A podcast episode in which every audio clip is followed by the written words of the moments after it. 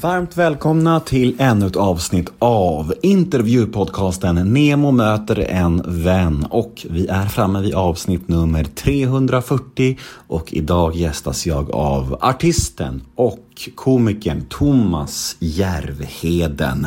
Och detta blev mys på hög nivå, det vill jag lova. Thomas och jag är ju uppvuxna på samma ställe så det fanns gemensamma beröringspunkter och det fanns mycket spännande att prata om. Så jag tror att ni kommer tycka det här var lika trevligt som jag tyckte. Eh, jag hoppas det i alla fall. Vi får väl se. Jag heter Nemo Hedén på Instagram. Följ med gärna där, då blir jag super superglad. Ni kan alltid mejla mig på gmail.com om ni vill mig något. Eller om ni bara vill önska en gäst till podden eller vad som helst. Det är alltid mys när ni mejlar mig. Och den här podden klipps ju precis som vanligt av LL Experience AB som bland annat gör Göteborgspodden.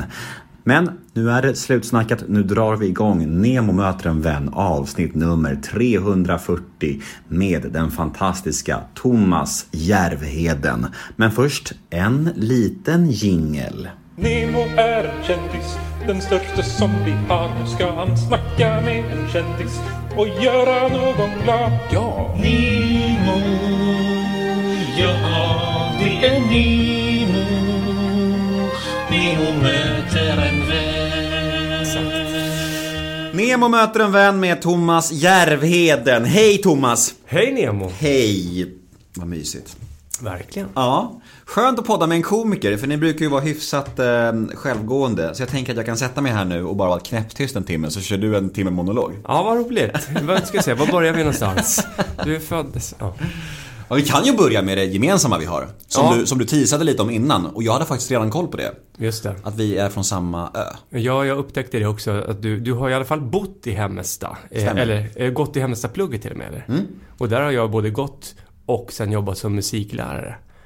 Aha! Det jag dessutom tror att din farsa har varit musiklärare. Det stämmer. Just det. Men då tog Julle efter dig då eller? Nej, tvärtom. Julle var där och så Ja. skulle Julle iväg en termin. Så jag hoppade in som eh, vikarie. eh, Så jag jobbade som musiklärare i ett halvår.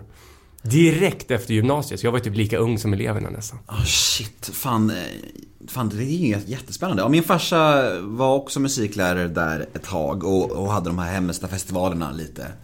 Eh, så absolut. Och, och jag, jag är född här på Södermalm men flyttade till Värmdö när jag var sju år. Och sen från Värmdö igen när jag var 18. Just Så hela min skoltid var där. Ja. Ja. Hur många år var du på Värmdö? Du, jag föddes ju där ute och sen så flyttade jag hemifrån från Värmdö till eh, Hammarby flyttade jag till när jag var typ 19. Sen dess har jag inte varit där ute, att säga. Värmdö, Hammarby. Vi har så mycket gemensamt redan nu känner jag. Ja, ja, ja, det är skönt. Och sen som din syra konstaterade att ditt namn är Hedén och jag är Järvheden. Vi, vi kan ju säga Järvheden. Ja, ja, precis. Ja. Idag är du Järvheden. Ja, vi går raka vägen till, eh, vad heter det, Rådhuset och gifter oss efteråt. Här. Mm. Ja, och jag berättade att min syrra tyckte det var jättekul att vi hade så lika efternamn och då, och då skrockade vi nöjt åt att min syrra har väldigt, väldigt, väldigt svag humor. Ja, det var, det var en låg ribba. Men å Ja, andra sidan, det har inte funnits någon comedy känner jag på typ ett år nu. Så det krävs ganska lite för att jag ska bli glad också. Då får man leta efter saker att skratta åt. Ja. Och då duger liksom Järvheden. Ja. Ja, fantastiskt. Hur, eh, hur mår du så här, eh, ja, vad har vi för datum? Vad har vi för årstid? Vi är ju mitt i våren kan man Ja, säga. även om det blev en sån här liten köldknäpp här nu. Men det är ju ty- typiskt svensk vår. Typiskt svenskt april. Ja, den där säga. sköna mimen som brukar gå runt med en härlig uggla som sitter på ett träd och så är det grönt och så här. Mm. Ja, det är vår. Sen nästa bild så är det svinsnöigt. Bara helvete. Och sen så är alla lika förvånade. Det är, det är märkligt det där. Att, att det var ju 15-16 plus häromdagen och nu, nu idag är det 2 plus. Ja, du, jag såg en snubbe utanför mitt barns skola. Han hade t-shirt på sig och stod och spelade basket. Och det är inte bara två plus. Det är, det är liksom svinkall nordanvind. Jag Ja, tänkte så här. ja. Jag sa till min femåring. Hon bara, varför har ni inga kläder? Så han har en väldigt, väldigt liten hjärna, sa jag. Eh, För att det, det känns så jävla utvecklingsstört och så här. Bara för att det är vår så har jag inga kläder på mig. Men känn efter då. Det är för fan skelettkallt liksom. Mm. De intalar sig så här, så mycket så att det är fortfarande varm, varmt. Så hoppas de att det ska räcka liksom, så att det blir som placeboeffekt i hjärnan. Sen drar de hem en förkylning till sin stackars farsa. Sen är han sjuk en månad. Och sen dör han i corona. Ja, och det är typ, jag, jag relaterar så kraftigt, för jag har just varit förkyld i en månad. För att min eh, mellandotter också bara så här, ja, jag går utan jacka. Man bara så här, men det är inte varmt. Jag trodde du skulle säga så här, jag relaterar så mycket för att jag just har blivit förkyld och smittat någon i min närhet som dog också. Ja, men typ. Ja, deppigt. Ja, men, men vad fan, hur, hur, eh, hur ser livet ut just nu egentligen? Eh, den, jag går liksom och, och bara väntar på sommaren här nu. För jag hade... Eh, alltså, jag var nog en av de eh, artisterna som ändå tyckte jag hade ganska... Jag var vid ganska gott mod där liksom i våren och, och, och förra sommaren. Man tänkte hela tiden att det är bara... Jag har helt enkelt tänkt att det är ett kvartal bort, sen är allt normalt igen. Sen någonstans i kring nyår nu, så då tappade jag geisten och bara så, vad fan är det här? Det händer ju allt. Alltså man kunde liksom inte se fram emot mot någonting. Eh, men jag hade min platta som jag, jag släppte ju en platta nu här i våras. Så det var någon slags, att jag hela tiden hade något att sikta mot i alla fall. Eh, Så det jobbade jag mot, men jag kände att allt annat bara, du vet, jag orkade inte hålla uppe något mod längre. Snacka med polare och kollegor och sånt där som bara så här, alla bara, nej det är samma här så här. Rätt skönt att bara prata med, med folk som också nästan mentalt har gått i pension. Jag känner bara så här, fan jag or- orkar nog inte dra igång igen. Det har gått så långt så att man känner så här, hur fan ska jag orka veva igång det här igen? Men eh, det är ju så man är, man funkar ju. Så Sen kommer någon med en liten utmaning och kastar framför en så här, vill du göra det här? Då, då kanske suget kommer tillbaka. Men när skivan kom nu då så, och, och den blev väldigt väl mottagen så, så kände jag också så att jag hade siktat så mycket mot det så att jag, all energi bara rann ur mig. Sen, här, sen blev jag förkyld, sjuk en månad och nu är jag helt så här, jag känner mig så här. Mentalt sitter jag lite i rullstol och så väntar jag på att sommaren ska komma. För då ska jag ut och, och gigga liksom, du vet, så här, trädgårds... Alltså du vet, hemma hos folk. Det är det enda man får göra. Men det är jävligt kul. Bara jag och min gitarrist. Bara, bara känna att man har ett jobb igen. Men eh, vad gör man om det, om det aldrig kommer igång? Alltså det scenariot måste ju ändå eka i många av era huvuden, ni som sysslar med stand-up comedy och, och står på scener och sånt. Visst, du pratar om trädgårdskrig och sånt, men det är ju sommartid. På vintern, det kommer ju vinter också. Ja, precis. Nej, men visst, det finns väl en liten sån liten tårtbit längst bak i huvudet som tänker så, vad fan gör jag annars då? Men då... Då tänker jag lite... Jag tänker faktiskt så här att man får ju typ göra sånt här. Starta en podcast, eh, satsa lite på ens YouTube-kanal, alltså göra... Alltså, jag har en publik som, som tycker det är kul när jag hittar på grejer. Det är bara att jag själv har inte drivits... Eller jag känner mig inte driven åt det hållet eftersom jag är så jävla sugen på att stå på scen. Men om den försvinner, då, då blir det något annat som, som blir eh, min morot då. Så då får det bli en podcast eller YouTube-kanal eller vad fan som helst.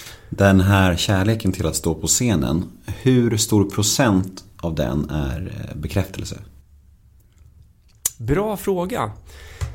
Jag tror att det från början, min drivkraft att vara rolig, är, är nog hälften genetisk. För det kan jag säga, det, det har jag förstått i vuxen ålder, att fan vad min släkt har hållit på med sånt här liksom att dra skämt hela tiden. Om det inte är liksom att hitta på eh, roliga typ nubbevisor som min morbror höll på med eller med så här studentspex så, så är det liksom farsan och farfar och farbror som har vitsat som fan eller farfars morfar som hittade på roliga texter eller min morfar som jag faktiskt aldrig har träffat, han dog ung men han satt och jammade med Povel Ramel. Alltså det, tydligen ligger det i min släkt liksom både musik och att vilja, ja att hålla på mycket med humor.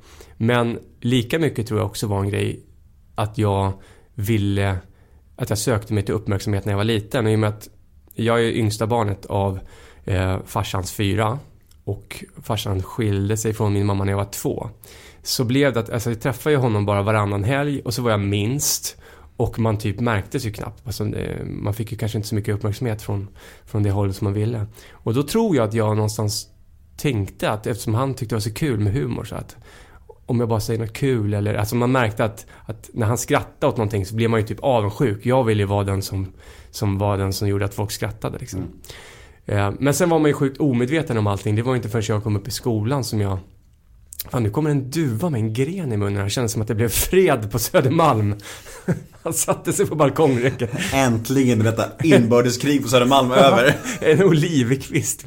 Fint. Ja, vad skönt. Eh, nej men eh, när jag började... Så här, så här, speaking of, bli glad för det lilla liksom. Ja, precis. precis. Sen kollar man noga, så egentligen var det bara ett ben han höll. Han hade Ja. lemlästat en polare. Nej men eh, när jag började plugga så, så var det en kompis där som som sa roliga grejer så andra i klassen skrattade. Och då kände jag direkt hur det bara tändes en, en glöd i mig. Fan, jag vill också säga roliga saker så andra skrattar. Och jag visste inte varför det var så, men när jag, när jag sa något som andra skrattade så fick jag en så jävla god känsla. Det var det bästa jag visste. Så att hela min skoltid gick det ut på att försöka tänka ut, vad kan jag göra nu så att de andra skrattar? Och i början var man ju absolut långt ifrån 100%, 100% på det där. Man kunde ju säga grejer så vart det inget kul liksom. Men, men man hade ju ingen skam i kroppen. Man testade sig fram och så långsamt blev man ju bättre och bättre på att det blir ju som en slags skola. Men var det alltid snällt? Alltså, eller kunde du gå över gränsen och bli rolig på andras bekostnad? Jag... Jag har aldrig varit liksom, ska man säga, den mobbartypen. Utan jag har alltid varit den som försöker hjälpa den som är illa ute eller sådär. Ehm, Men jag har förstått i alla fall vid ett par tillfällen så kanske man gick över gränsen utan att förstå det. Men då skäms man ju som fan. Alltså man jag är en sån person som... Man vill inte... Alltså jag vill vara omtyckt. Och det är faktiskt dumt om man ska vara en offentlig person. För utav 10 miljoner människor i det här landet så, så kan det inte vara så att alla tycker om det. Någon kommer störa sig, någon kommer skriva något elakt eller i värsta fall till och med så här ljuga ihop stories och baktala en i någon podcast och så här. Och det är inget kul. Nej. Jag kan känna igen mig där. Det är, det är svårt att svälja att man inte är omtyckt av alla. Ja, men vet du? Nu är jag ju mycket äldre än vad du är. Och jag hoppas att du kommer gå samma väg som jag då. Jag känner nu att jag... Jag bryr mig inte lika mycket om det här längre. Underbart. Ja, det är så jävla skönt. Hur gammal är du? 46. Nej, 47. jag förskönade det lite där. Ja, det är okej. Eh, nej men eh, jag, jag, jag märkt också lite grann att jag kanske har hittat en ganska stadig stil i vad jag har typ för, för humor som jag levererar. Både i min musik och, och i mina shower. Och jag vet att om jag ska leverera den här typen av humor så kommer inte alla tycka om det. De som gillar den typen av humor kommer älska mig men, men de som, som en, alltså humor är så svårt, en del förstår inte humor till exempel. Och har man då humor som ligger lite grann på gränsen, det är klart att folk blir provocerade om de inte kan läsa av, vad fan menar han här egentligen? En del läser ju helt fel och tror att jag menar tvärt vad jag menar liksom. Eh, Så att jag bryr mig inte så mycket längre om jag får ett argt mail. Jag brukar ofta bara skriva så här, vet du vad? Läs texten igen. Eller titta på klippet igen och lyssna på vad jag säger. Om du fortfarande är arg, hör av dig igen. Aldrig någon som gör det. Men du är något intressant här på spåren. Det här med att bry sig vad folk tycker kontra vad man själv tycker. Och, och, och eftersom att du skapar humor då och har gjort det i många år så, så undrar jag hur viktigt är det att ta hänsyn till andra människors feedback? Till exempel när du skapar ett skämt. Vi säger att du har en rutin som du tycker är skitkul. Men den flyger inte alls hos folket och du provar den om och om igen. Hur många chanser ger du det skämtet innan du skrotar det?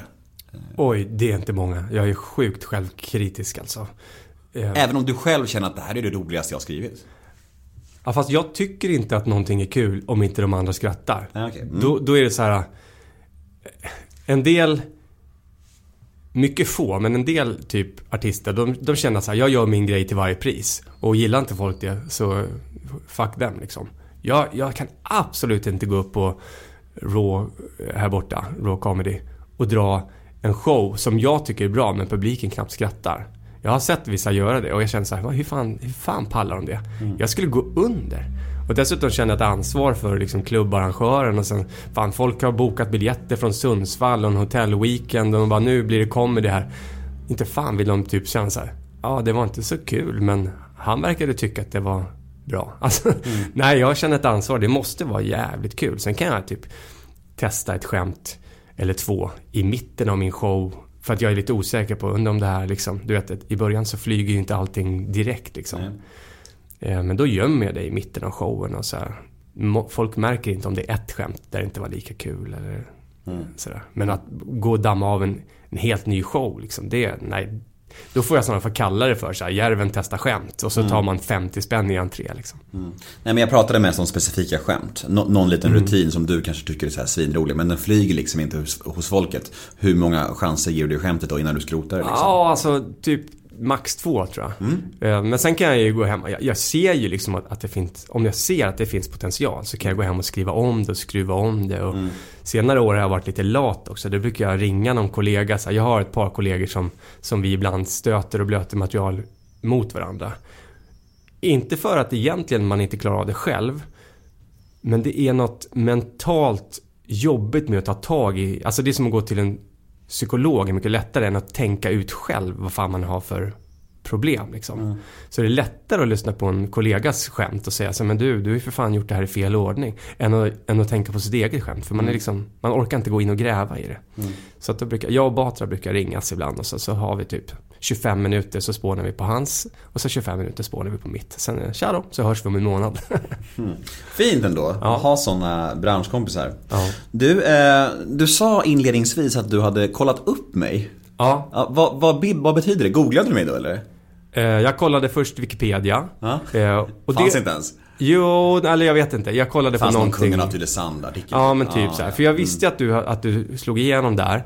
Men jag är så här, jag ska vara helt ärlig, jag är ingen eh, lyssnare av podcasts. Nähä. Konstigt nog. Alla gör ju det. Men jag är, jag är ganska dålig eh, konsument av underhållning. Jag är mer leveratör av underhållning. Så då tänkte jag så här, men om vi ska hit, då vill jag, eller om jag ska hit, då vill jag eh, kolla upp lite. Dels att jag har fått rätt. Så att jag inte är helt ja det är du från Tylösand. Och så bara, nej, det var ju du som slog igenom i Idol liksom. Nej. Eh, och då såg jag att du var från Hemmesta eh, bland annat. Eh, så det så... Mm, ja, var det något mer? Nej men du vet, jag, vis, jag visste också att du kör ju en podd med, med Magnus Hedman också. Just det. Mm. För detta missbrukare och så. Nej men fan, man vill ha lite koll. Jag är kontrollmänniska. Det är bra, det är helt rätt. Men, jag ska faktiskt återknyta till en grej. Gör det. Apropå att jag är lite självgående här i samtalet. Men det är du, hur lugnt som helst. För du frågade mig innan hur mycket är bekräftelse och Mm. hur, att vilja stå på scen. Det var en bra fråga. Det var det. Och jag har faktiskt bara svarat till hälften. För jag, jag tog upp det här med genetiskt, att jag tycker det är kul att vara rolig liksom. Det ligger i släkten. Att jag nog började med att tycka att det gav mig bekräftelse att få folk att skratta. Men sen så har jag... Det där behovet har släckts för länge sedan. Att jag ås, liksom ser mig... Direkt nästan att jag började som ståuppkomiker från början, för hundra år sedan. Så kände jag att fan, jag behöver inte bekräftelse. Utan det som driver mig och har drivit mig i alla år, det är nyfikenhet. Att... Och någon slags, det här kommer låta sjukt pretentiöst, men jag har känt ända sedan jag var så tonåring att jag har vetat att jag har vissa eh, talanger som Alltså jag menar inte att jag är bra på allt, men jag har vissa talanger som jag har vetat ända sedan jag var tonåring att det här är jag sjukt hög potential i. Eh, och då har jag känt någon så här, nästan ångest i att inte försöka göra något utav det. Det känns som att jag skulle slösa bort en begåvning, fattar du vad jag menar? Ja, som typ om jag hade vetat att jag, jag är sånt jävla bildsinne och jag skulle kunna bli världens konstnär och sen så tar jag aldrig tag i en pensel. Då känner man ju att, vad är det för jävla slöseri? Så har jag känt med musik och eh, även humor. Att jag har liksom känt att jag har en jävla fallenhet för det där. Och då vill jag ju någonstans se, men hur långt kan det ta mig då? Och inom humorn så tog det mig, ja det, det tog några år liksom. Men sen så hade jag eh, pris som årets manliga komiker och hade egna tv-program och jag var med i varenda jävla humorpanelprogram och sådär. Och sen så kände jag så här, nej men nu har jag nog gått vägs ände där. Jag, jag kommer inte bli Johan Glans. Jag, och det vill jag inte ens. Ehm, och så plötsligt så kände jag att musiksidan, liksom, det började hända grejer där. Och det är väl mer det som jag håller på och nyfiket utforska nu. Liksom. Hur långt kan det ta mig nu? Jag har gjort min femte skiva och jag ska spela huvudrollen i en musikal i höst. Och, eh, det är liksom en jävla nyfikenhet. Vart jag kan ta mig. Jag känner inte att jag måste så här, se mig. Eh, tvärtom. Jag vill bara flytta ut på landet och typ odla morötter.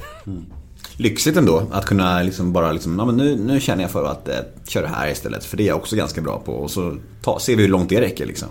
Det känns jättelyxigt. Men sen tror jag inte jag har så många fler områden och liksom, det är inte så att jag bara, och nu jävlar ska jag bli rallychaufför. vi får väl se vad som händer när du känner att du har nått vägs ände inom musik då. Då blir det Ja, tufft. Då men- blir det ja, tufft. Ja, men då blir jag nog pensionär alltså. Det, Det kanske är då då. ja. Ja. Men du, eh, vi ska leka en liten lek som jag har döpt till associationsleken. Är du med då? ja. Associationsleken drar igång med första ordet och det är Melodifestivalen.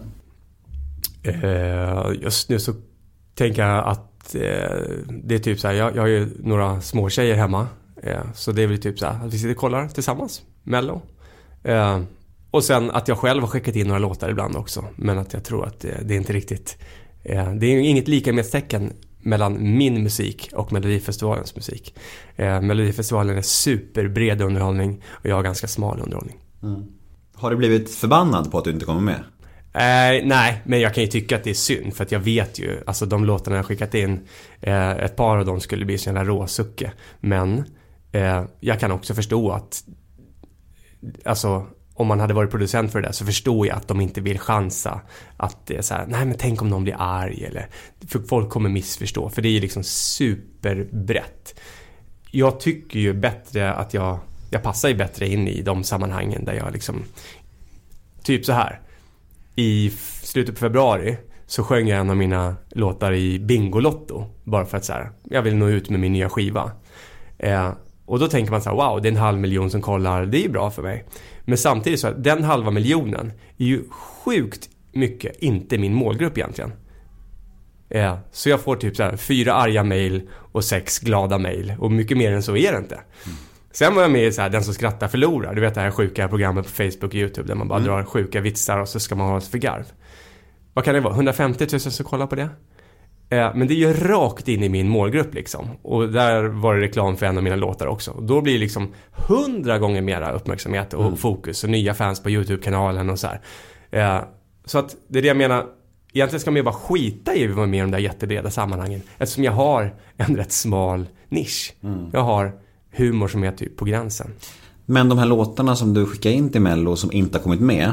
Har du släppt dem i andra sammanhang sen? Ja, de Ja. kommer alltid ut sen. Ja, men du, kan du inte nämna en titel på någon av dem som du tror ändå hade flugit, flygit ganska bra i Mello så kan min klippare klippa in en snutt av den. Okej, eh, Idioter. Inte för att skryta men jag tycker jag är rätt normal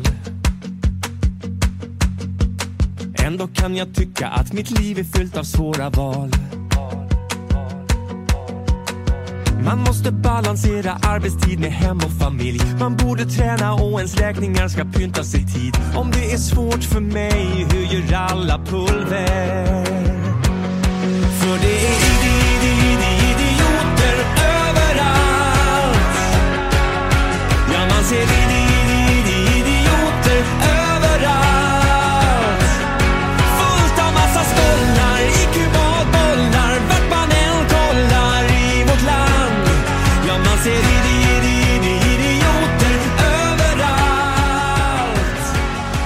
Nästa ord då, är du med? Ja. Intervjuer. Eh, jag tycker det är intressant att bli intervjuad för att jag blir ofta så här pushad att tänka efter. Och det gör inte jag så ofta.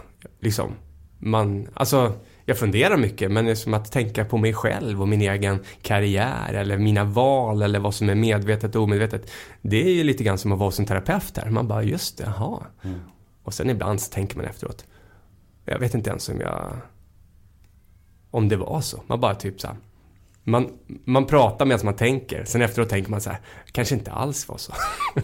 kanske säger tvärt emot i nästa intervju. Men jag försöker vara ärlig just nu vad jag tror och tänker. Men är det kul tycker du? Har du någon behållning av det? Eller är det mest en del av jobbet liksom? Eh, det är i... Alltså det här tycker jag är kul. Men det är ju också så att jag gör inte så mycket just nu. Det är ju kanske inte skitkul. Eh, typ förra, förra om åren när jag jobbade mycket med TV. Och så kanske är det en pre- premiär för något program och så är det 12 intervjuer på en dag. Då är det ju inte skitkul. Ehm, men det här är ju kul. Ja. Härligt. Ja. Det glädjer mig. Ja. Bra. Ditt efternamn? ja. Det är för att jag tycker så mycket om just He- Hedén. Ja men gud vad härligt. Ja. Det fick jag efter min far som fick det efter hans far.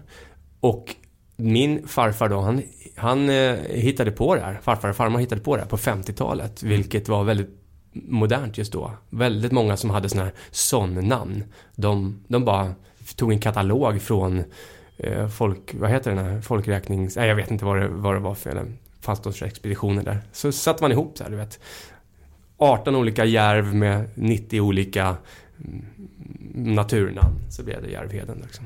Det kunde lika gärna bli ett Björklund liksom. Björkris. Ja.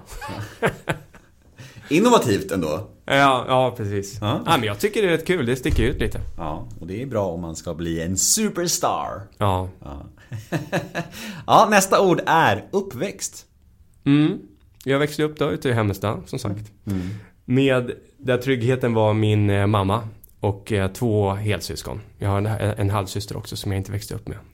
Eh, så, och farsan, han eh, försvann iväg där vid, när jag var två. Och så var jag hos honom varannan helg. Så jag hade ständigt en längtan, en, en, brist på liksom fadersgestalt. Och det blev inte bättre av att han flyttade till USA när jag var nio.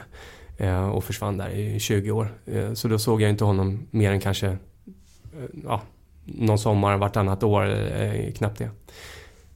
Så eh, morsan var tryggheten. Hon, hon har varit kanon, får jag säga. Kämpat eh, med tre ungar själv. Eh, Fan vad ofta man hör det där att det, att det är just farsan som sticker. Ja. Vad är det för fel på farsor? Alltså, Men var det inte väldigt mycket så förr också? Att de, alltså nu ska inte jag försvara, eh, men, men det var ju nästan en hel generation som var uppvuxen med ännu sämre farsor. Liksom. Alltså min farfar till exempel, det är inte så att han stack iväg. Men han verkar ju ha varit en jävligt icke närvarande farsa. Liksom. Eh, Så jag tror, jag kan tänka mig att det var rätt normalt så att ja, men vid en separation då, då har farsan typ ungarna varannan helg. Eh, vilket idag ju som väl är, är det ju inte så. Nu är det ju oftast kanske halva tiden.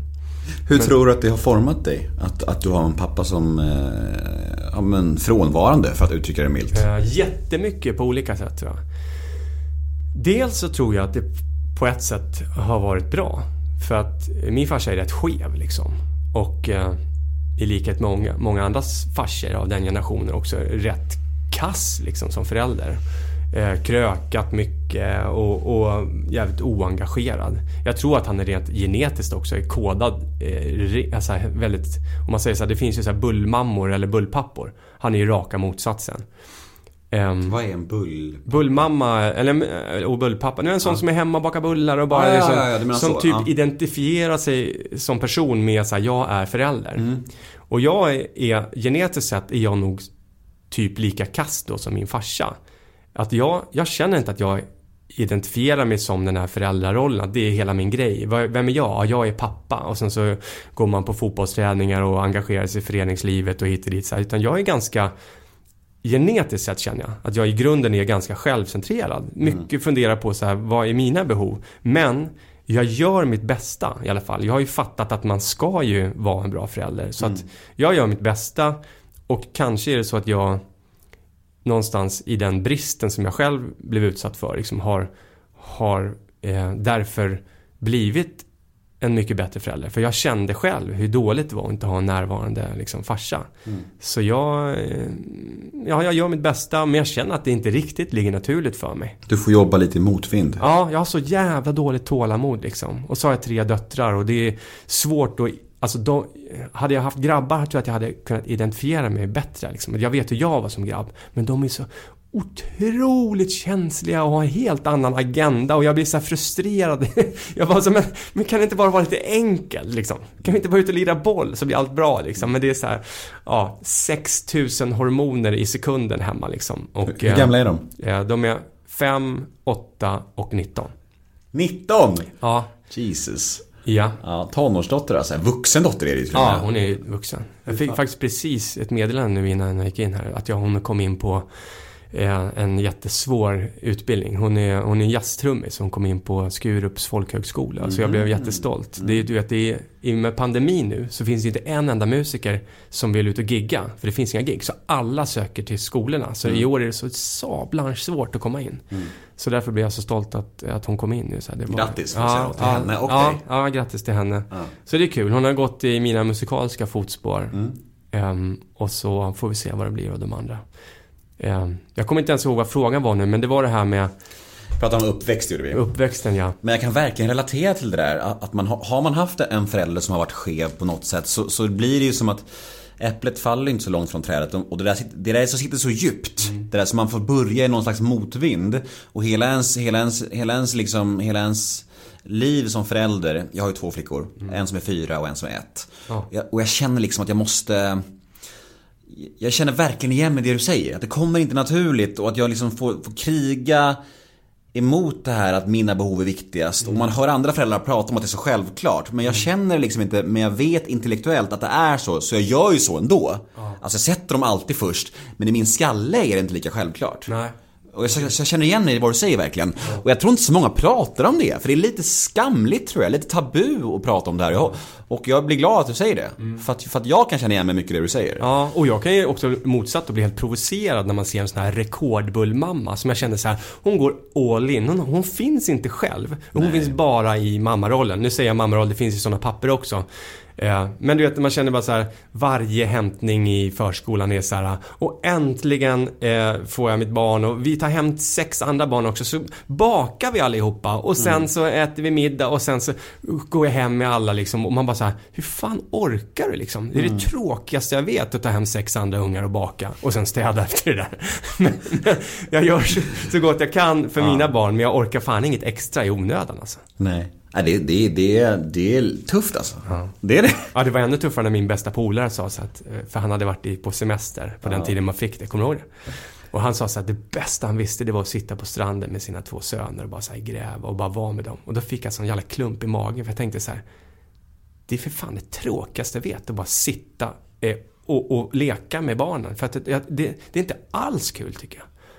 Sen tycker jag det är jättekul att se att de har kul och jag gör det för deras skull och för vår relations skull. Det, det, det, det, är nog, det är nog viktigt att tillägga det också, för både, både dig och mig tror jag. Ja, ja, ja. Att man älskar deras reaktioner och Ja, de mår bra. visst. Men för ens egen del liksom, så här, bara så här, jag, håller- jag håller med. Jag har inte heller så mycket behållning av att gunga mina barn så här. Det är så här, det, Man gör ju det, för man är förälder liksom. Men det är liksom inte det bästa jag vet, det kan jag inte Nej. säga. Däremot hade jag ju liksom älskat att till exempel om mina ungar tyckte det var svinkul att spela tennis. Då hade jag kunnat liksom flera gånger i veckan åka iväg till tennishallen och spela med dem. För jag tycker själv det är kul. Och jag tycker det är kul att se utveckling hos mina barn inom ett intresseområde som jag också har. Typ som när min äldsta då lirar trummor och så här. Det tycker jag är jättekul att gå och kika på hennes grejer och hjälpa henne och prata om olika eh, liksom vägar i karriären så här. Det- är intressant för mig också. Men att sitta och prata liksom om om några jävla dockor med en femåring. Det är så att man, man får ju fan ta antidepressiva. Det där är alltså nyckeln. Nyckeln är att hitta någonting som man har gemensamt med sitt barn. Ja, så är det ju då. Men, Vad har jag gemensamt med en ettåring? Jag måste tänka lite. Nej men faktum är att, att, att jag tycker ändå det är viktigt att säga att Trots att man kanske inte tycker det, allt det där är så roligt så, så ändå gör man det. Dag ut och dag in. Alltså jag åker till lekland och badhus och sånt hela tiden liksom. Bara för att det är, liksom, det är det bästa de vet. Och då, och då gör man ju det. Eh, Men det är ändå någon slags... eh, Ja, det är någon slags klyfta där liksom. Eh, Men sen, du- sen, sen, sen så tror jag faktiskt. Jag tror så här att de föräldrar som säger att det är det bästa de vet. Det är lite koketterande. Det är lite så här, ja men man, det, det är jävligt high profile och säga att man är en jävligt förälder och älskar allt som det innebär. För vem fan älskar allt som det innebär att vara förälder? Det är klart man inte kan göra det. Man älskar att vara förälder, det gör man ju. Men det är klart att det, det innebär ju också jättemycket tuffa saker som är jobbiga. Och jag tror att människor måste prata om det lite mer för att det blir så här. Det blir någon slags skam mot de föräldrar som inte älskar allt med att vara förälder. Någon slags shaming mot dem och det är ju också fel tycker jag. det var bra att vi sa det här nu för nu kanske andra också får lite så här pepp i att ja, men det är inte bara jag som känner så här och, och, och det är också så att nog fan ska man kämpa. Det är som du sa, du åker ändå till badhuset varje vecka och jag är också ute och liksom åker linbana, studsar studsmatta för miljonte gången liksom. För att man, ja, det ska man ju. Sen en, en vacker dag kanske man får igen det där när de kommer med en eh, matlåda till ålderdomshemmet och säger Tjena farsan. Och, tor- och torka dreglet. ja, exakt. Ja. Vi går vidare. Ja, Nästa ord är Therese. Eh, det tänker jag, då tänker jag på min fru. Ja. Och vad väcker det för känslor i dig? Ja, det är avsky alltså. Nej, jag skojar. eh, nej, eh, nej, det är ju kärlek. Det är min livskamrat som jag har varit eh, tillsammans med i, kan det vara, 13 år? Gift med i 9 år tror jag, något sånt där. Ja, vad vill du veta? Nej, jag vill inte veta någonting. Jag, jag, jag vill bara veta vad det liksom väcker för, för tankar och känslor i dig liksom. Och, och, ja, och du tycker du svarade. Du behöver inte svara mer. Nej, men det är, fi- det är fint tycker jag med, med våra och så här, våran resa tillsammans, vi var rätt trasiga båda två när vi träffades. Sådär emotionellt. Ingen vågar riktigt lita på, på kärleken. Så här. Man var lite sargad, både hon och jag. Och sen så eh, kämpade, kämpade vi oss igenom det där och liksom, fan du vet man, vi har två barn gemensamt och eh, mycket, man har gått igenom mycket upp och ner tillsammans. Det, är- det är en fin, eh, fin resa. Så jag hoppas vi kan bli gamla tillsammans. Ångest. Intressant tycker jag. Fan vad det är många som har ångest på olika sätt. Jag tycker att jag själv är en relativt stabil människa. En sån människa som folk brukar ringa till när de har problem och vilja... Det är i och för sig en, vad ska man säga, ehm, en fin, ett fint betyg. Att folk tycker att jag verkar klok. Eh, men vad förvånad jag blev när jag själv en gång fick en panikångestsymptom plötsligt. Um, och det var, det var många år sedan nu som jag hade liksom, jag hade jobbat så sjukt mycket. För jag hade liksom jobbat heltid i Malmö med ett tv-projekt samtidigt som jag hade, tror jag, 135 gig det året. Det är ju runt om i hela Sverige.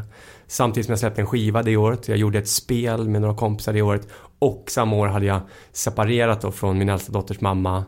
Eh, och liksom flyttat, köpt ny lägenhet och alltså det var så mycket som jag tror att faktiskt det privata var antagligen det jobbigaste. Men utöver det att man jobbade så jävla mycket så när det sen lugnade sig, den här en extrema perioden eh, så tänkte man ju så att men nu nu kan man ju bara slicka såren. Men det var då som min, eh, jag fick en klump i halsen som jag trodde var liksom att jag hade fått en Liksom, att det satt någonting i halsen. Så jag gick till en läkare och bara så, kan du kolla? Jag tror att jag har fått en böld i halsen. Så han bara, du har ingenting där. Så. Det är klart jag har, så jag kan ju knappt svälja liksom. Så kollade han igen, nej det här är nog panikångest sa han. Jag hade fan inte hört talas om att man kunde Head over to Hulu this March, where our new shows and movies will keep you streaming all month long. Catch the award winning movie Poor Things, starring Emma Stone, Mark Ruffalo, and Willem Dafoe.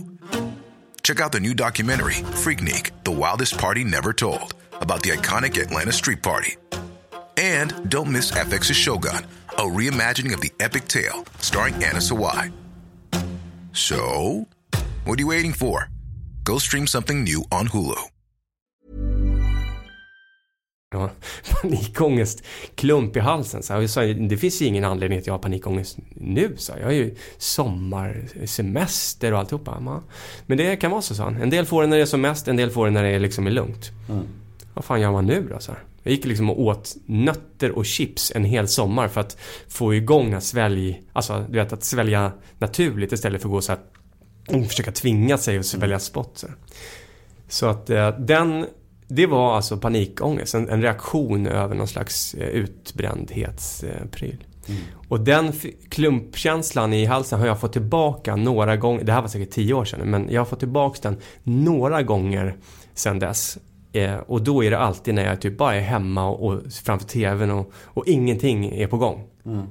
Och då är det eh, antagligen då att jag liksom gått igenom jättemycket på, på kort tid. Kanske gjort gig i 14 städer på, på en månad där man liksom inte riktigt hinner smälta intrycken förrän nästa grej ska in och, eh, i hjärnan och ut. Och, så att det är, eh, det är viktigt att hinna bearbeta saker. Annars så lagrar man upp massa liksom obearbetade känslor, intryck och, och sånt där. Och till slut så, så kommer det på något sätt. En del får magsår, en del får ryggskott.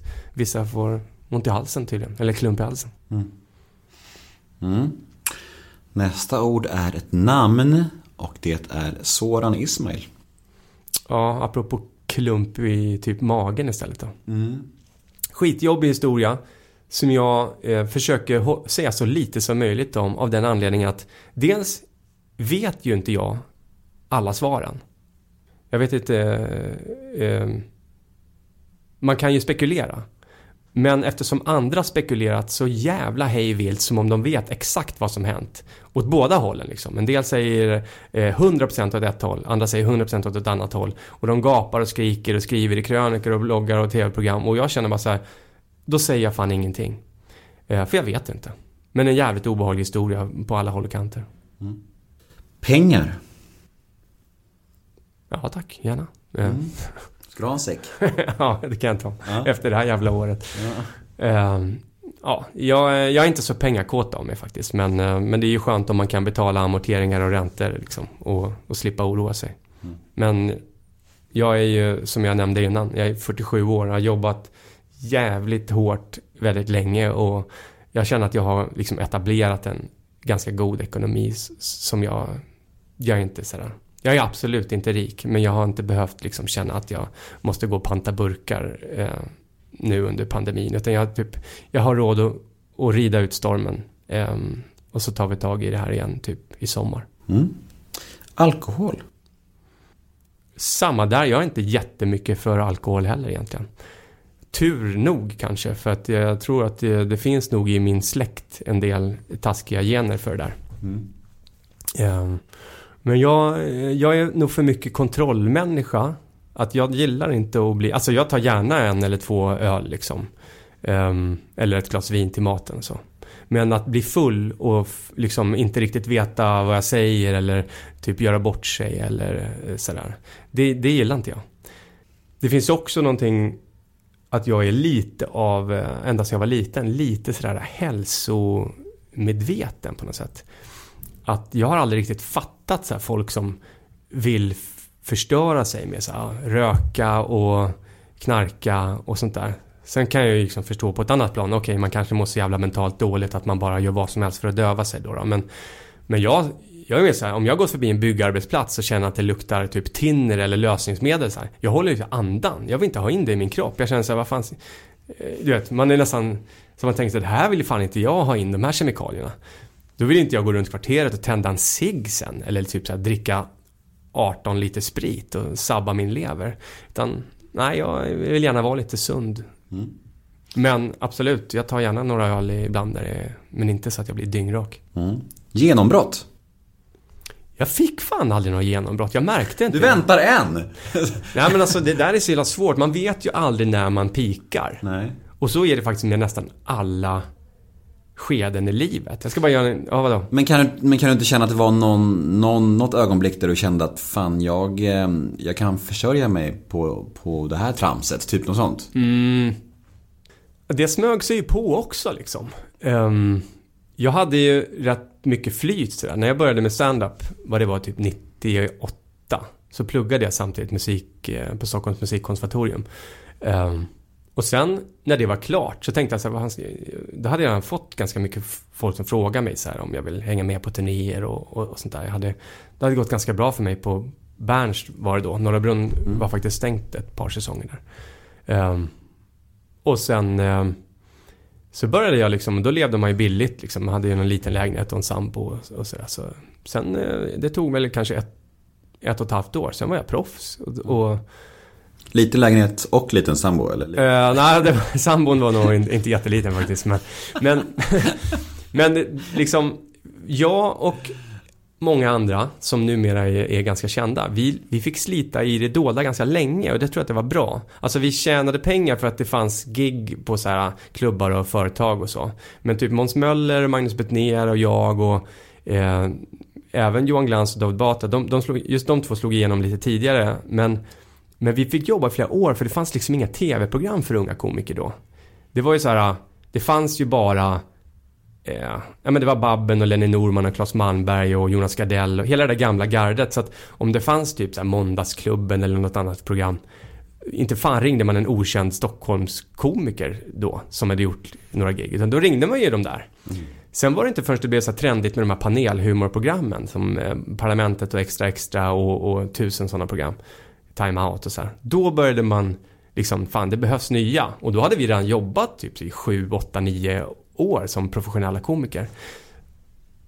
Och det var nog rätt bra, så att man inte kom in och var helt grön liksom. Nej. Sen smög sig det där på med liksom, jag blev programledare för jävla barnprogram, Barnkanalen-program och så kom Stockholm Live och du vet, jag märkte aldrig riktigt när man blev känd. Förrän jag, jag vet att det var ett år när allting bara blev så helt vansinnigt för då, då hade jag, dels var jag med i de här Extra Extra och de här i varenda jävla program och jag blev programledare för det här utskällda Grillad som var Sveriges första roastingprogram. Just det. Som Vissa avsnitt var ju faktiskt jävligt kul men det var ju helt ny mark med så här, du vet producenter som inte hade jobbat med humor på en sändningstid som är helt vansinnig. Så här 21.00 på en fredag. Du vet det är så här, vad är det? Doobidoo-tid liksom. Men visst finns det väldigt bra stories från det här? Att, att det var väl till exempel avsnitt som ni fick ställa in helt? Var det inte så? Ja, det var eh, någon exekutiv där som ställde eh, två avsnitt. Och det var väl med, eh, vem fan var Det det? ena var med Alex Schulman Ja. och det andra var med Peter Harry. Nej, jo det kanske var Peter Harrison. Jo, jo. Ja. Du måste berätta varför det ställdes in. Vad, vad, Eh, vad var ja, grejen? Men alltså hela grejen var att Eh, om man säger så här, vissa avsnitt, jag ska bara, bara jämföra. När vissa kom, typ Glenn Hysén, Mm. så var det så här, de hade skitkul och ville ju ha kul liksom. Mm. Och fattade grejen. Och, och vi kunde skämta hur mycket som helst och de bara garvade och allt var härligt. Mm. Publiken känner att det finns eh, samtycke, om vi ska kalla Mm, ett mm. fint namn. Men sen var det så här, vet, någon slags desperat jakt efter gäster, tror jag. Jag, jag satt inte själv i redaktionen. Jag blev ju programledare med så här kort varsel för det där liksom. Mm. Tänkte jag, det låter väl kul. Men det var ju så här, typ inlurade eh, gäster. Som Peter Harrison då. Han fattade han trodde ju att det var typ så här, här är ditt liv, typ. Ja. Och det känner ju publiken direkt. Att det sitter någon där som inte fattar grejen och inte tycker att det är kul när folk skämtar om en. Då blir det ju, det är precis som jag sa innan. Inte fan, jag, jag är inte nöjd om skämtet är bra, men om ingen garvar. Nej. Och folk garvar inte om de inte känner att det finns värme i lokalen. Och, och så var det med Peter Harrison. Han var ju typ så här, han såg ju helt deppig och förstörd ut liksom. Sa han någonting? Nej, men man känner ju när någon liksom Aha. sluter sig. Ja. Och med Alex Schulman var det typ lite grann sådär också att det här var ju innan han blev, ska vi säga att han har blivit lite folkkär sådär med att han släppte en ganska självutlämnande bok och sen har han suttit i podcasts och sådär. Men han slog ju igenom i många år på att bara sitta och, och mobba folk i Mm. liksom krönikor, både i radio och i, i Expressen, Aftonbladet. Bloggar och så. Bloggar, va. Mm.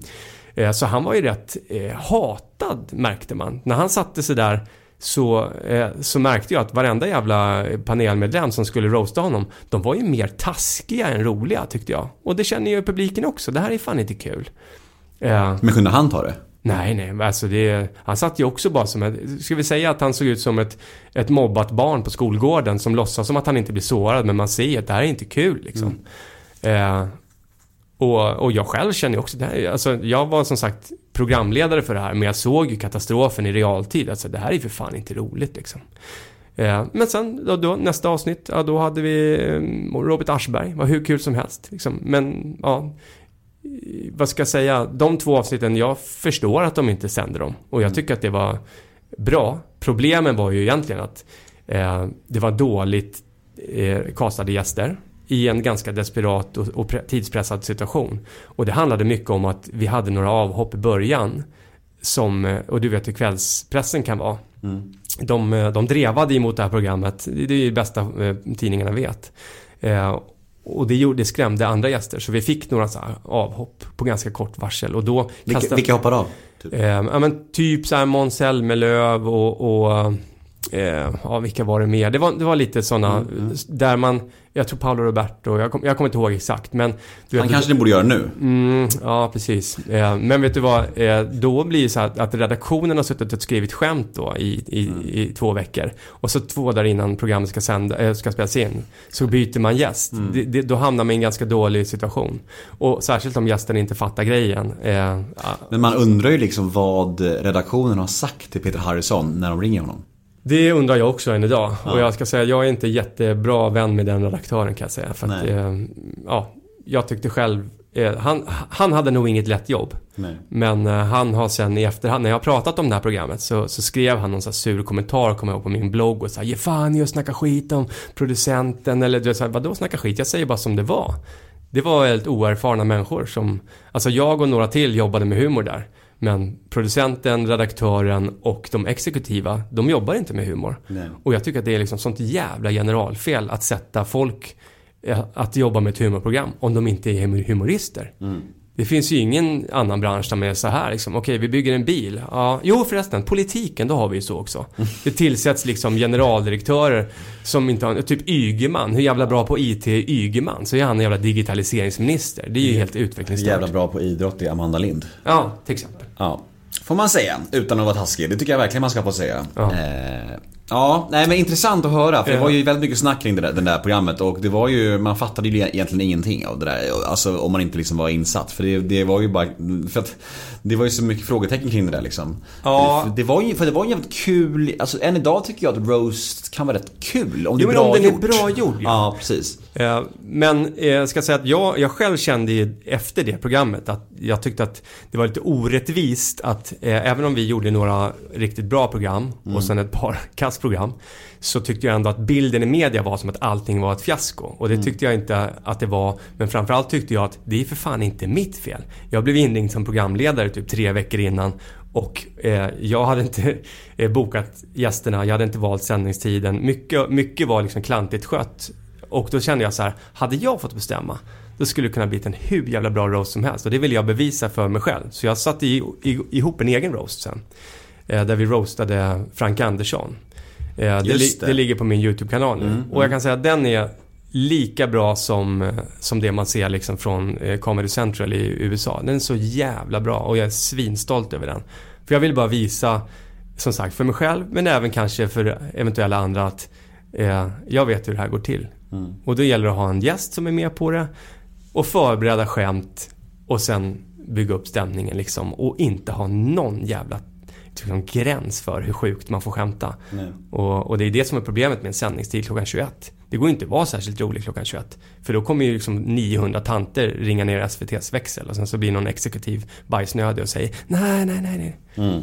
Har du fått snacka med Peter Harrison eller Alex Schulman efter det där om det här? Har ni mötts i något sammanhang? Nej, absolut inte.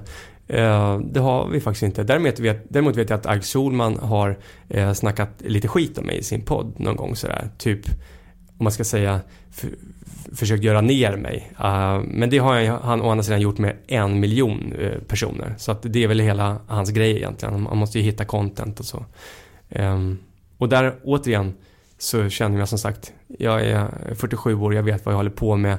Jag tar inte åt mig om han tycker vissa saker om mig. Sen kan man ju tycka att det är irriterande att han då inför 100 000 gäster kanske får det att låta på ett visst sätt där många andra som inte har koll på min karriär kanske tror honom när han säger att jag typ inte har några gig eller att jag eh, eller vad det nu han sa, jag kommer inte ihåg. Jag gjorde så här 140 gig eh, det året. Jag bara, vad fan snackar han om? Han har ingen aning.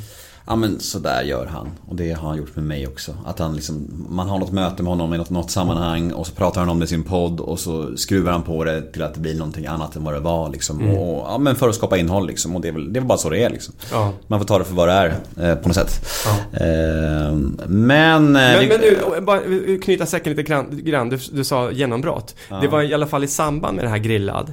Det året så slog jag igenom utav helvete tyckte jag, alltså för den breda publiken. Så pass att jag inte tyckte om det.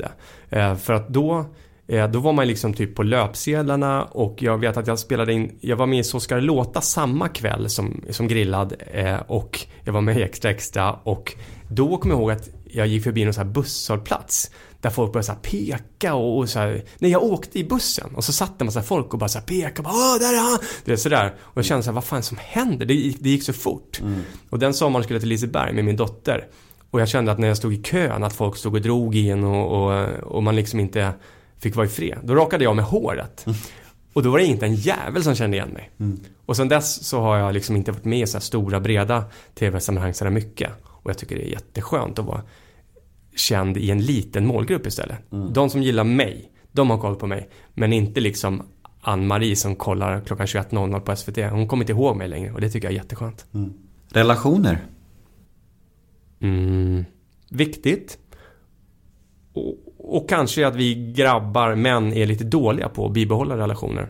Det uppmanar jag alla män som lyssnar. Ring en gammal polare, gör det ibland. För att det är rätt lätt att man glider ifrån dem. Tjejer är mycket duktigare än, än killar på det där. Kärleksrelationer då? Eh, det tycker jag är, är fint. Och så tycker jag att det är också sorgligt att eh, kärleksrelationer som man har haft, oftast att det är Ja, det här kanske kommer låta lite sjukt, men jag så här, om jag har varit ihop med någon, då är det ju för att jag har tyckt om den personen. Och jag tycker det är så tragiskt att när man inte är ihop längre så har man ingen kontakt. Och det, det är ju i och för sig jävligt komplicerat om man ska fortsätta ha kontakt med sina ex. Eh, I den nya relationen man är i så kanske det känns jävligt oavslappnat. Men det finns en liten sorg i det där tycker jag. Att det finns liksom en hel radda ex som jag egentligen skulle vilja vara kompis med. Men det funkar inte riktigt så. Det blir någon slags... Eh, man, blir, man blir typ främlingar med minnen ihop. Ja. Ja. Och så ser man typ varandra på Facebook och så känner man sig ibland spontant att man vill så skriva något uppmuntrande eller kul eller så här, men att eh, det kanske uppfattas lite så här, jag vet inte, desperat eller, eh, eller bara konstigt. Mm. Det finns ett fint, en fin sägning kring det där som lyder typ My ex, we're not friends, we're not enemies, we're just strangers with memories. Ja, det var ju fint. Det är fint, faktiskt. Ja, vi går vidare. Nästa ord är terapi. Ja, Har du gått till det? Eh, Ja, lite grann då i, i, i samband med den där som jag berättade när jag fick min lilla panikångestsession där. För att jag ville ha reda på hur fan blir man av med det här? Mm. Och då tipsade hon mig om just det här att till exempel om jag har haft ett gig Mm. så är det ju på kort tid är det supermånga intryck för mig. Min hjärna går ju i tusen procent liksom och, Mm. och allt som jag säger och tar in och, och så här. Hon sa att sätt dig efteråt i bilen och skriv ner liksom. Eh, eller så här anteckna. Vad var det? Hur kände du? Eller så här. Jag brukade bara, det räckte med att jag bara satte med min setlist och tittade så här. Gick det som jag tänkte mig? Eller just det, jag snöade in på det där. Eller så här. Var det någon som var extra glad? Var det någon som verkade inte fatta? Du vet så här, bara ägna fem minuter åt det. För att det inte ska bli så att jag har gjort 12 gig på, på eh, två veckor. Och, och så har jag inte hunnit smälta några intryck. Nej. Så det var ett litet tips från hennes sida. Mm. Ja. Mm. Integritet. Ja, jag har inte så mycket integritet tycker jag. Jag är så jävla öppen. Jag typ berättar mitt livs historia för taxichaufförer och sånt där när jag åker. Utan att de ber om det. Ja. Ja, härligt ju. Fast de är ju jävligt, jävligt sugna på att lyssna tycker jag. Kanske, ja. Nej men jag känner igen det där. Det är svårt tycker jag ibland att man, att man nästan man har liksom ingen spärr på något sätt. Eh, Men, men, och ibland kan jag känna att man måste ha det. Man måste ha någonting heligt. Men jag kan ju vara så här, om någon frågar mig någonting så svarar jag liksom bara. Det är så här, Det är nästan lite osunt att, att man bara fläker ut sig och liksom har inget privatliv kvar. Men jag vet inte. Men så finns det så andra som typ så här, Winnerbäck. Man tänker så här, hur fan kan man orka vara så jävla hemlighetsfull? Ja. Så här, jag har en intervju var tredje år och sen typ så här, jag såg, Jocke Berg typ. ja, jag såg eh, en Winnerbäck-konsert en gång. Ihåg, Han bara så här, han kom ut på scenen, det var typ så här 30 000 i publiken, kändes som i alla fall. Så bara, hej, hej! Så bara började han lira. Mm. Alltså han sa, han sa inget. Alltså jag tänkte så här, fan vad hemlig man kan vara. Mm, Alltså, Ja, det är speciellt alltså. Men jag tror att de människorna vill ju behålla någon slags mystik kring sig själva också. Och det lyckas de ju med, onekligen. men tror du inte också att det råkar vara så att de typ är sådana som personer? Alltså din och min Kanske- raka motsats. Kanske en kombination då. Ja. Ja. För att orka spela det hela livet, det skulle Ja. aldrig palla. Nej, det känns som ett heltidsjobb. Det orkar man ju inte. Du, vi ska beta av några snabbfrågor nu. Ja, jag går in på min andra kopp kaffe här nu. Ja, vad härligt. Hugg in. Du kanske får dricka några koppar här, för du har inte råd med espresso-kaffe. Nej, espresso house. Så du måste ju ta några koppar här. Efter det här året så dricker jag så här, blanda bark med, med, med vatten. Ja, det är bra det. Snabbfrågor. Paradrätt. Åh, fy fan vad svårt alltså. Eh, Jag ska säga, det är en sorg i mig att jag slutade typ äta kött när jag var så här, kan ha varit 25 eller något sånt där. Men jag tycker det är så jävla gott. Så att mina gamla rätter som min carbonara och så här, det var ju så jävla gott. Jag saknar ju det. Eh, Så nu, nu, ja, nu gör jag en eh, ganska god, vad ska jag kalla det för, någon slags tortilla-rätt liksom. Men det är inte som min gamla carbonara. Nej. Vegetarian sedan lång tid alltså. Ja, men jag är ju världens sämsta vegetarian också. Jag äter ju typ så här vild, La- lamm, vild- eller hur? Nej, nej det gör jag inte. De tycker jag för synd om. Eh, Men viltkött kan jag äta ibland. Så, här, du vet. så att, mm. Ja, det är ju en light vegetarian då. Ja, knappt det. Alltså, knappt. jag kommer ju, Det antagligen kommer jag bli det. mördad av en riktig vegan när jag går ut här på Götgatan. Hur fan kan du kalla dig vegetarian? Undrar nu 10 000 pers. Mm. Ja. Eh, ja, nästa ord då. Nästa ord, nästa fråga. Vad missbrukar du? Chips. Gott. Så jävla chipsidiot alltså. Jag- Ja, pepparchips eller, eller grillchips eller... Jag gillar de här västkustchipsen. Ja, men det är gott också. Men sen är det sen ska det vara dipp till också och så här. Det, Hela- alltså, hela jag, jag paketet. äter så vansinnigt. Det är konstigt att inte jag ser ut som Peter Harrison alltså. För Ja. att jag äter liksom mer chips. Jag borde ju vara sponsrad utav olika ja. chipsfabrikat alltså. Shoutout. Ja. Ja. Hörde ni det nu? Vilket märke skulle du helst vilja ha? Ja, ja, det, det spelar inte så stor roll faktiskt. nej, nej, nej. nej. Då får du Lidl spons då. Ja. Lidls egna chips. Mm, vad gott. Grejen är att jag skulle inte klaga, jag skulle bara vräka in vi bara skrattar. Ja. Jag, jag slaktade nu en framtida sponsdeal med Lidl här. Men det var det värt det, för att få skratta lite. ja. Vilken egenskap hos dig själv föraktar du mest? Pff. det var, det var svårt. Men kanske så att jag är lite för mycket lone wolf. Så att jag, jag var inne på det innan att jag har ganska mycket kontrollbehov. Och man förlorar lite av kontrollen om man samarbetar med andra. Men eh, jag tror också att jag hade säkert kunnat nå mycket större framgångar om jag hade varit med i något gäng. Liksom. Att man hade ett chillinggäng eller att man hade liksom en, eh, ett podcastgäng eller vad som helst. Men fan, jag, så jävla, jag trivs så bra med att göra saker där jag har kontrollen. Mitt, mitt skivprojekt projekt nu, liksom, jag skriver melodin, jag skriver texten, det är jag som sjunger, jag bestämmer allt. Och, och det är ingen kompromiss liksom. Men det är också ganska, ja, det, det är jävligt dumt. Varför har jag så mycket kontrollbehov liksom? Det kan jag kanske tycka är synd.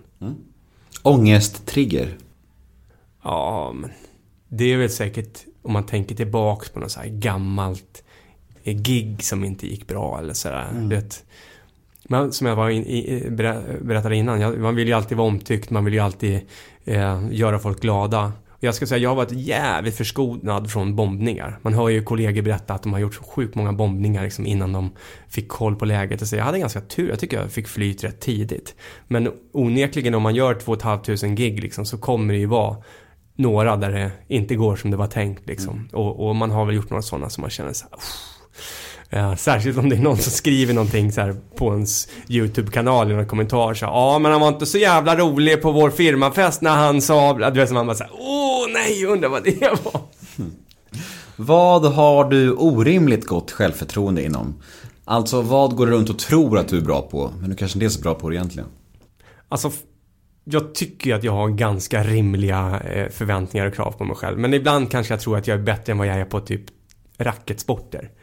Eh, Jag spelar ju så tennis varje vecka och, och, och, och så tittar jag o, alltså orimligt mycket på tennis. Så någonstans ibland inbillar jag mig att jag är lika bra på dem som jag kollar på. Så alltså man kommer till tennisbanan, spelade igår men liksom man går, gör någon jävla djup eh, att- attackboll och går fram på nät och så ska jag bara liksom lägga en svin nonchalant backhandvolley och så bara Alltså det är så långt ifrån att den går in så att man bara såhär, vad helvete höll jag på med? Men då såg jag typ igår att det var något proffs som gjorde sådär. Så det, det, det är nog tennis då. Så jävla bra är jag faktiskt inte. När grät du senast? Ehm, på en god väns mammas begravning för eh, några veckor sedan. Mm. Vad lägger du mest pengar på? Boenden. Vad oroar du dig för mest? Alltså det är ju barnen antagligen. Alltså på något sätt har man ju det. Alltså jag sa, sa innan att jag kanske genetiskt sett inte är kodad som världens bästa farsa. Men det där har jag ju naturligt. Ända sedan varenda av mina ungar har varit små. Att man är så här riktig jävla klump i magen att bara det inte händer någonting liksom. Det räcker med att gå på ICA med ett barn och så försvinner eh, ungen liksom i en halv sekund ur en sikte och man bara vad, vad, du vet så här, det Ja. bara, då bara fylls kroppen av oro liksom. Jag har sprungit in så många gånger också bara in och lyssnat om de har dött i sömnen. Så här. Varför skulle de ha gjort det liksom? Men man så här, För att, för, att man har, för att man har läst i någon tidning någon gång. Ja. Typ så här, ja. Ja. Idiotiskt. Ja. Vad tror du andra människor tänker på när de tänker på dig? Ehm, Och då menar jag både som offentlig person och dina privata kompisar. Jaha. De flesta som tänker på mig, de tänker nog eh, på mig som, eh, som eh, musik och eh, komiker, artist liksom. Eh, och de tänker nog förhoppningsvis att jag är rolig. Eh, en del tycker nog att jag sjunger bra. Eh, och en del tycker säkert att jag är en jävla idiot. Alltså jag tänker särskilt de som har suttit framför TVn och man har dykt upp när de, helt oombedd. Jag menar, eh, som sagt, den tiden man var mycket i TV. Då var man nog jävligt stör. Alltså jag hatar ju folk som dyker upp hela tiden. Det spelar ingen roll om de är ganska bra, man blir, man blir trött på dem. Så det finns nog en del som, man, som stör sig på mig. Sen eh, eh, de andra som tänker på mig, alltså mina vänner och, och sånt där. Ja, jag hoppas att de tycker att jag är en... Eh, jag tror att de tycker att jag är en schysst person liksom. Och som jag var inne på innan, en del ringer till mig när de har bekymmer och vill prata lite sådär. Du är en stabil jävel med andra ord. I många sammanhang, ja. Då är vi framme. Inte alla. Nej, det är bra att tillägga det. Det finns även en eh, stunder av panikångest har vi ja. hört om. Så att det är ju så. Eh, vi är både lite av varje. Det är bra. Det är vi nog alla människor är nog lite av varje, skulle jag gissa. De flesta i alla fall. Och tur är väl det. men jag så tycker det är faktiskt ett, liv är eh, mera levt om man har fått känna på liksom alla färger. Om man Så är det. Vi är framme vid poddens sista fråga. Va? Ja, vi har suttit här en timme. Mm. Och den lyder, vad kommer du aldrig förstå dig på att andra människor tycker om? Eh, Jag tror det är att dreva. Jag är så jävla trött på hela den här drevmentaliteten som, är, som vevas runt nu. Och allra mest tycker jag det är folk som så ska signalera godhet som är de värsta.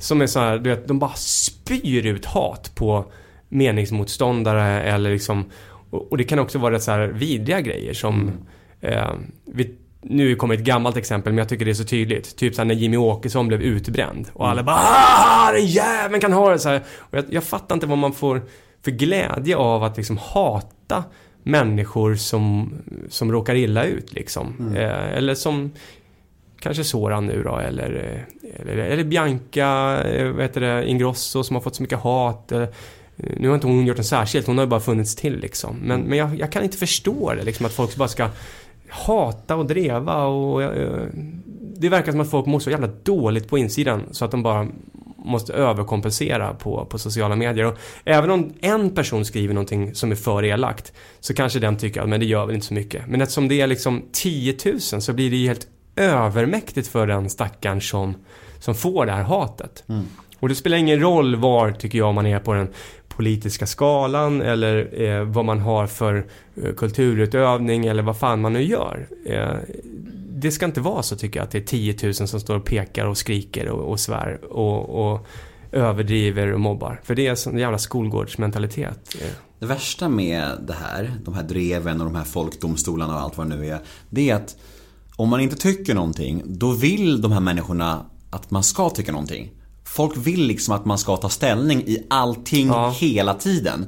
Och ibland känner jag så här, jag vet ju inte. Som du svarade på lite där med, med Soran. Alltså så här, om jag inte är säker på eh, alltså någonting i någon fråga, då vill inte jag uttala mig. För det känns som att det, det, det, liksom, det blir bara det blir bara fel på alla sätt. Och det är också sorgligt att, att vi lever i ett samhälle där, där, där folk kräver av en att man ska ta ställning i alla frågor och allt är så svart och vitt. Det är så här, liksom så här, den här bristen på nyans tycker jag är så läskig. Ja. För, för, att, för att oftast finns det ju så många mer aspekter i allting. Liksom. Det finns en nyans, det finns en bredd som man, som man måste, måste ta i hänsyn också.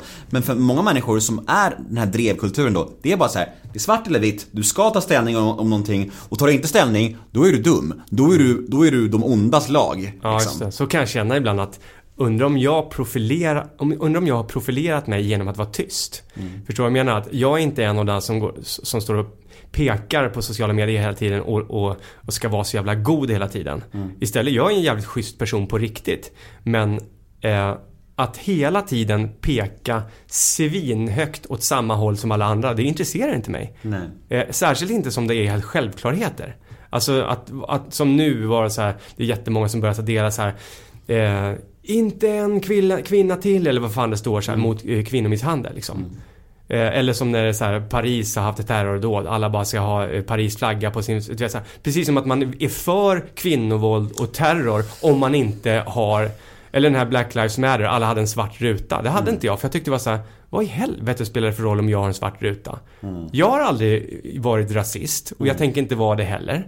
Och det är inte så att eh, poliser i Sverige dödar massa svarta här. Utan det var en händelse i USA.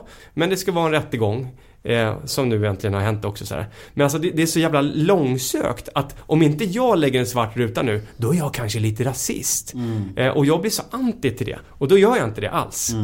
Fast jag kanske är liksom, är liksom den minst rasistiska i hela min jävla bransch. Men jag kanske verkar rasist för att jag inte har en svart ruta. För jag vill inte vara sådär, alltså eh, gruppmentalitet har aldrig varit min grej. Liksom. Nej. Jag tänkte faktiskt på det när jag hörde en intervju med Peter Wahlbeck och han är ju, han är ju, han är ju skruvad på många sätt. Det är klart han är det och det, det, det är den första att säga liksom. Men han sa en sak som ändå var ganska intressant och det var det här med att Alltså Han sa i intervjun att det förekommer kvinnor som eh, anmäler män för, för eh, vå- våldtäkter för att de är ja, men svartsjuka eller, eller är dumpade, eller ledsna eller nå, någonting har hänt liksom.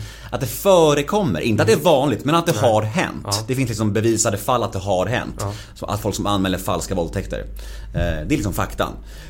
Då blir han direkt någon som försvarar våldtäktsmän. Ja, just det. Och det är så här bara, det är ju två helt olika saker och hur, det har inte ens med saken att göra. Nej. Han försvarar inga våldtäktsmän, han säger bara något som faktiskt har förekommit. Och då blir jag så här rädd. Det blir så här Alltså att, att, att folk bara liksom så här buntar ihop det på Mm. ett sätt. Det blir så jävla, det blir så himla... Nej, men det är jätteläskigt hur man... Det är jätteläskigt, alltså. Det finns här osynliga länkar i påhittade kedjor där Mm. man liksom... Eh, det finns...